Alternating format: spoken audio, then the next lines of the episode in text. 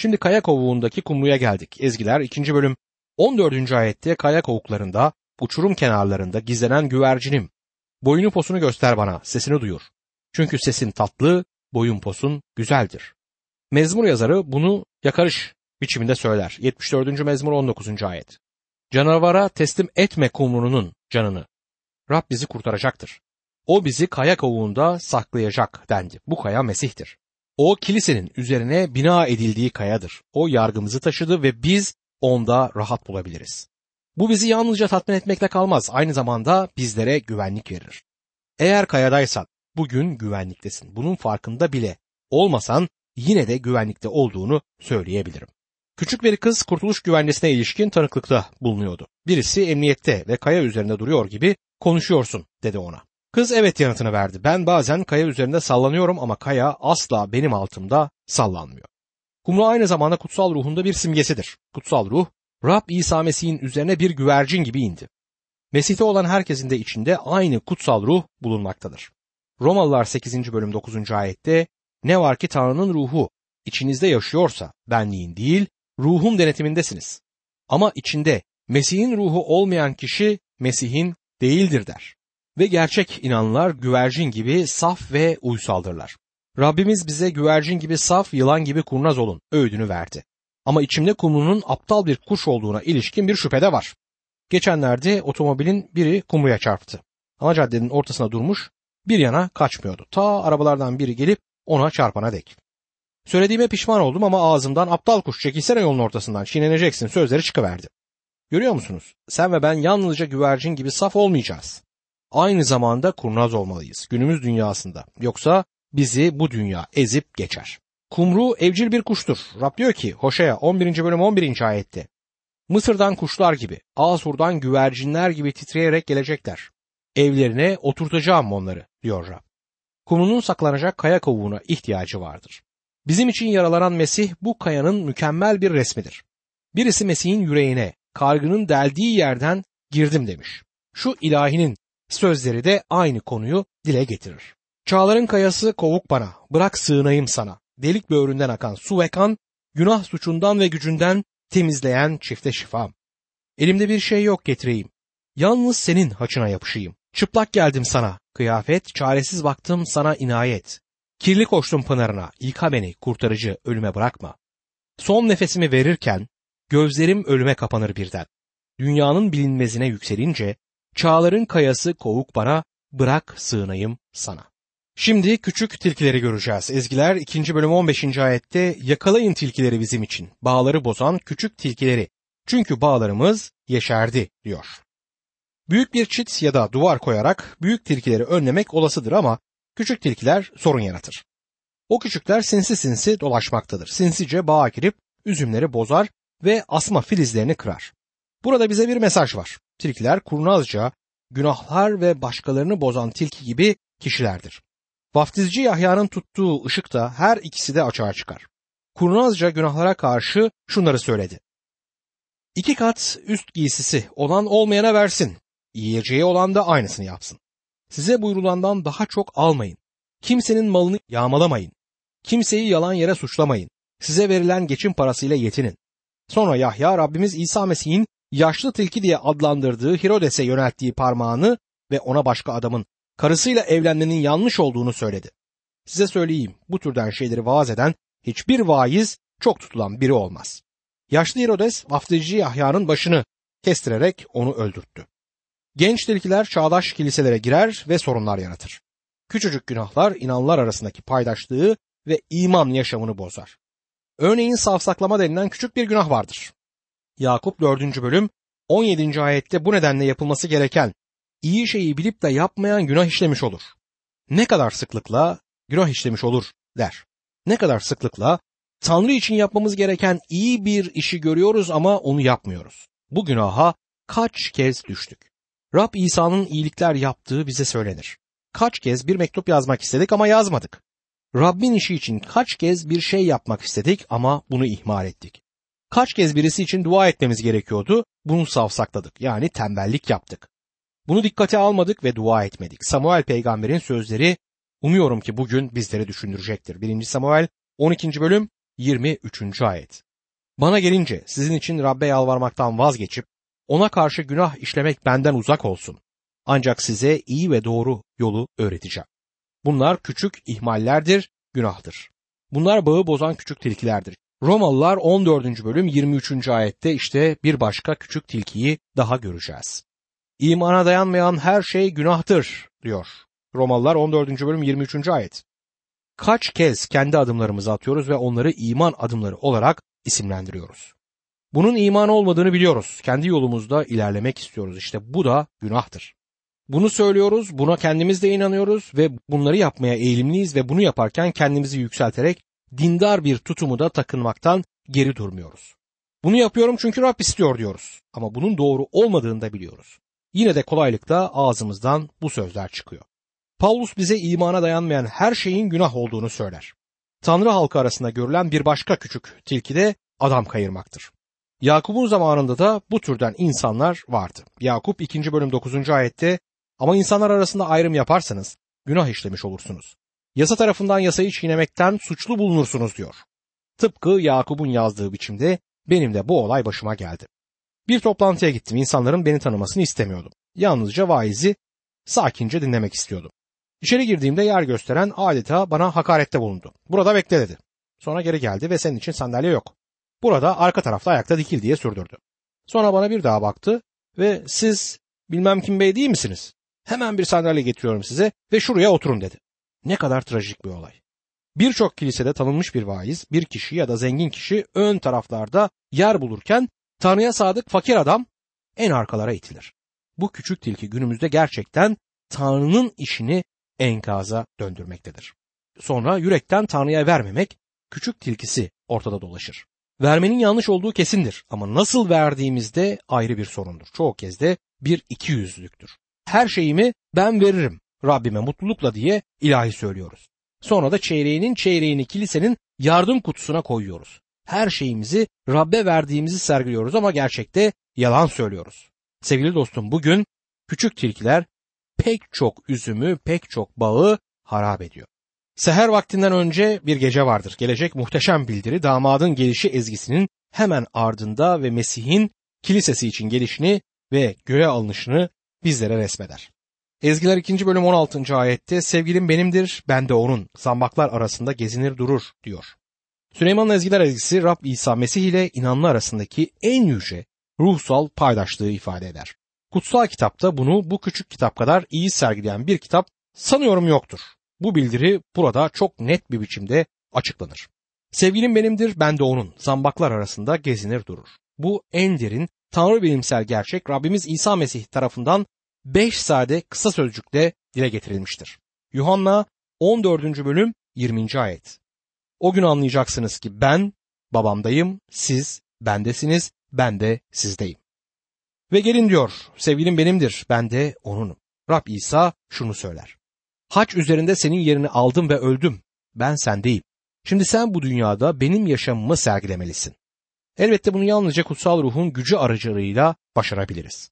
Ama biz onunla yukarıdayız. Göksel yerlerde oturmuş, onda sevilenler, kabul edilenler Mesih'te adlandırılanlarız. Ve Mesih'le birlikte dirileceğiz.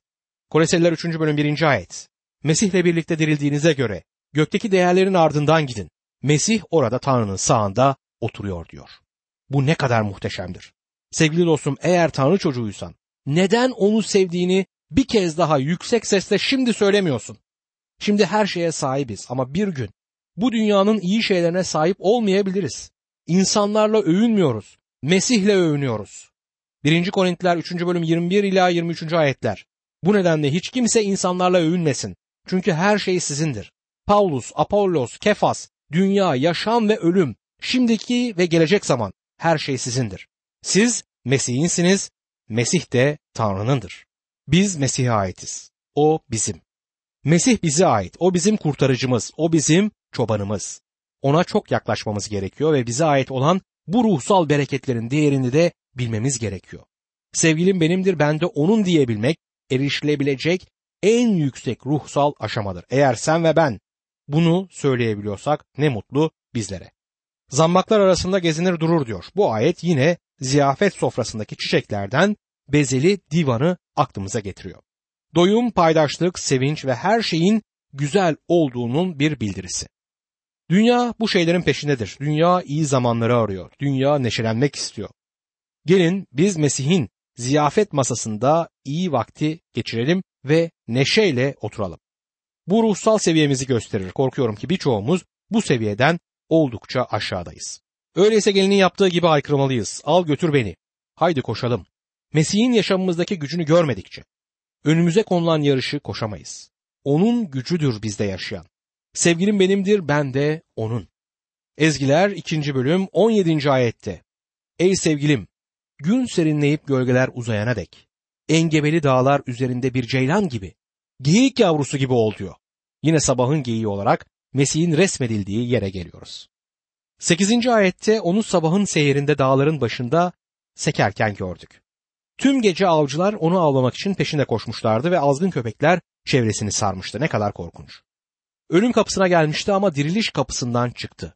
Şimdi bunun ışığında sen ve ben bu karanlık dünyada yaşıyoruz ve seherin ilk ışıklarını gözleyebiliriz. Dostum Mesih'teki kurtuluşun ve senin için tüm yaptıkları yaşamında bir anlam kazansın. Bu seni rahatlatsın. Bu yaşamın karanlık saatleri anında başını yaslayacağın yastığın olsun. Gün serinleyip gölgeler uzayana dek Mesih seninledir. Ezgiler 3. bölüme geldiğimizde hala ikinci ezgide olduğumuzu söylemek mümkündür. Fakat ikinci bölümün ikinci kıtası gibidir. Çeşitli sahnelerin bir araya geldiği yeni bir bölüm başlar. Bu kitabın başlangıcında dağlık Efraim yöresine gitmiştik ve orada çiftçilik yapan kızı ve ailesini tanımıştık. Şimdi Süleyman kızın gönlünü kazanmış ve onu Yaruşilim'e getirmiştir. Ezgiler 3. bölüm 1 ve 2. ayetlerde şöyle yazar. Gece boyunca yatağımda sevgilimi aradım. Aradım ama bulamadım. Kalkıp kenti dolaşayım, sokaklarda, meydanlarda sevgilimi arayayım dedim. Aradım ama bulamadım. Şimdi sahne kralın kızı götürdüğü Yarışlim'e gelmiştir. Yalnızdır. Kral işi dolayısıyla yolculuktadır sanırım. Burada bir rüya kaydedilmiştir ve ayrıntılardan duyduğu kaygı üzerine sonunda şehir sokaklarında kralı aramaya çıkar. Gece boyunca yatağımda sevgilimi aradım diyor. Bu Mesih ile olan paydaşlığımızın mükemmel bir resmidir. Bir günü arkamızda bıraktığımızda uykuya dalmamız gerektiğini düşünüyoruz. Eğer uykuyu Mesih'e tercih ediyorsak 8 saatte bunu elde edebiliriz ama onu kaybetmemek dinlenmeye yeğdir. Modi bunu şöyle dile getirmektedir. Eğer Mesih en önemli, en önde ve en gerekliyse bizim için uykudan ve yiyecekten üstünse onun için kurban edebileceğimiz yiyecek zamanlarımız ve uyku zamanlarımız olacaktır. Uykumuz Rabbimiz bizde dinlenirken ve bizde dururken daha da tatlıdır. Kalkıp kenti dolaşayım, sokaklarda, meydanlarda sevgilimi arayayım diyor. Yataktan kalkmak ve kente gitmek Rabbi aramayı tanımlar. Aradım ama bulamadım. Bu onun için açık sözlü bir itiraftır. Birçok kişi Mesih'i bulamaz çünkü onu hiç aramaz. Kaç tane Hristiyan her pazar kilise sıralarında oturur ve şu elzem soruyu kendisine yöneltir. Onu bulamadım. Rab nerede? Rab kendisini tüm yürekle arayanların onu bulacaklarını söyler. Yakup 4. bölüm 8. ayette ise Yakup şöyle bildirir. Tanrı'ya yaklaşın o da size yaklaşacaktır. Ezgiler 3. bölüm 3. ayette kenti dolaşan bekçiler buldu beni. Sevgilimi gördünüz mü diye sordum diyor. Bekçilerin sevgilisini bulmakta kıza yardımcı oldukları kuşkusuzdur. Gerçekte bekçilerden çok uzakta değildir onun bulunduğu yer. Ezgiler 3. bölüm 4. ayette ise onlardan ayrılır ayrılmaz sevgilimi buldum. Tuttum onu bırakmadım. Annemin evine beni doğuran kadının odasına götürünceye dek diyor. Ne kadar büyük bir ödül arayana verilen sevgilimi buldum sözüdür. Modden aktarma yapmaya devam edeyim. Onu buldum. Ben bir insanım ve yücelikler Rabbini buldum. Ben günahın bir kölesi, büyük özgür edeni buldum. Ben kayıpların en büyüğü, kurtarıcımı buldum ve Tanrımı. Ben atılmış, kakılmış kişi, dostumu buldum. Sevgilimi diyor. Git ve öyle yap sen de, Siyon kızları ve oğulları. Size bulduracaktır kendisini. Tüm yüreğinizle aradığınızda onu bulacaksınız. Tuttum onu bırakmadım diyor.